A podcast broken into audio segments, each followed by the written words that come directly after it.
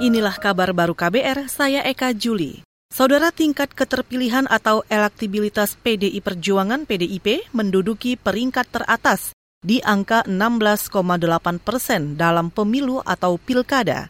Angka itu berdasarkan survei politik peta elektoral pemilu dan pilkada yang dirilis Indikator Politik Indonesia hari ini. Direktur Eksekutif Indikator Politik Indonesia Burhanuddin Muhtadi mengatakan PDIP menjadi partai politik dengan elektabilitas tertinggi jika pemilihan legislatif atau pileg dilakukan saat ini. Ini top of mind ya top of mind. Polanya tidak berubah, PD Perjuangan unggul eh, 16,8 persen, ya, meskipun keunggulan PDIP dari sisi top of mind itu sedikit di bawah rata-rata nasional kalau di DKI Jakarta ya. Indra peringkat kedua, PKS peringkat ketiga, Demokrat peringkat ke keempat, kemudian Nasdem, Golkar dan seterusnya. Itu tadi Direktur Eksekutif Indikator Politik Indonesia Burhanuddin Muhtadi. Sebelumnya, tren elektabilitas sempat mengancam upaya PDIP untuk menang tiga kali beruntun pada pemilu 2024. Ancaman itu antara lain setelah Piala Dunia U20 batal digelar di Indonesia. Salah satu sebabnya lantaran sejumlah politisi PDIP menolak keikutsertaan Israel.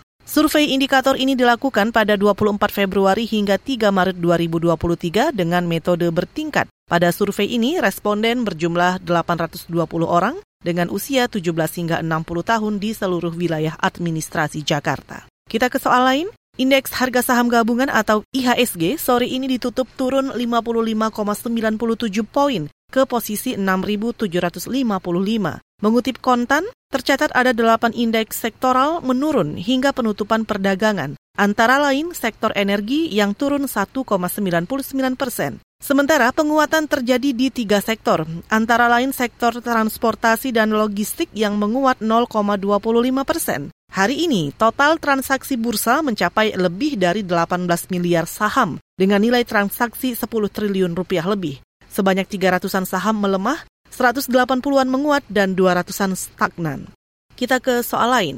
Tiga orang narapidana teroris atau napiter hari ini dibebaskan bersyarat dari lapas kelas 1 Kesambi Cirebon, Jawa Barat. Ketiganya adalah Lukman, Memen, dan Rizal. Kepala lapas kelas 1 Kesambi Kadiono mengatakan mereka bebas setelah menjalani pembinaan dan mendapatkan keputusan bebas bersyarat.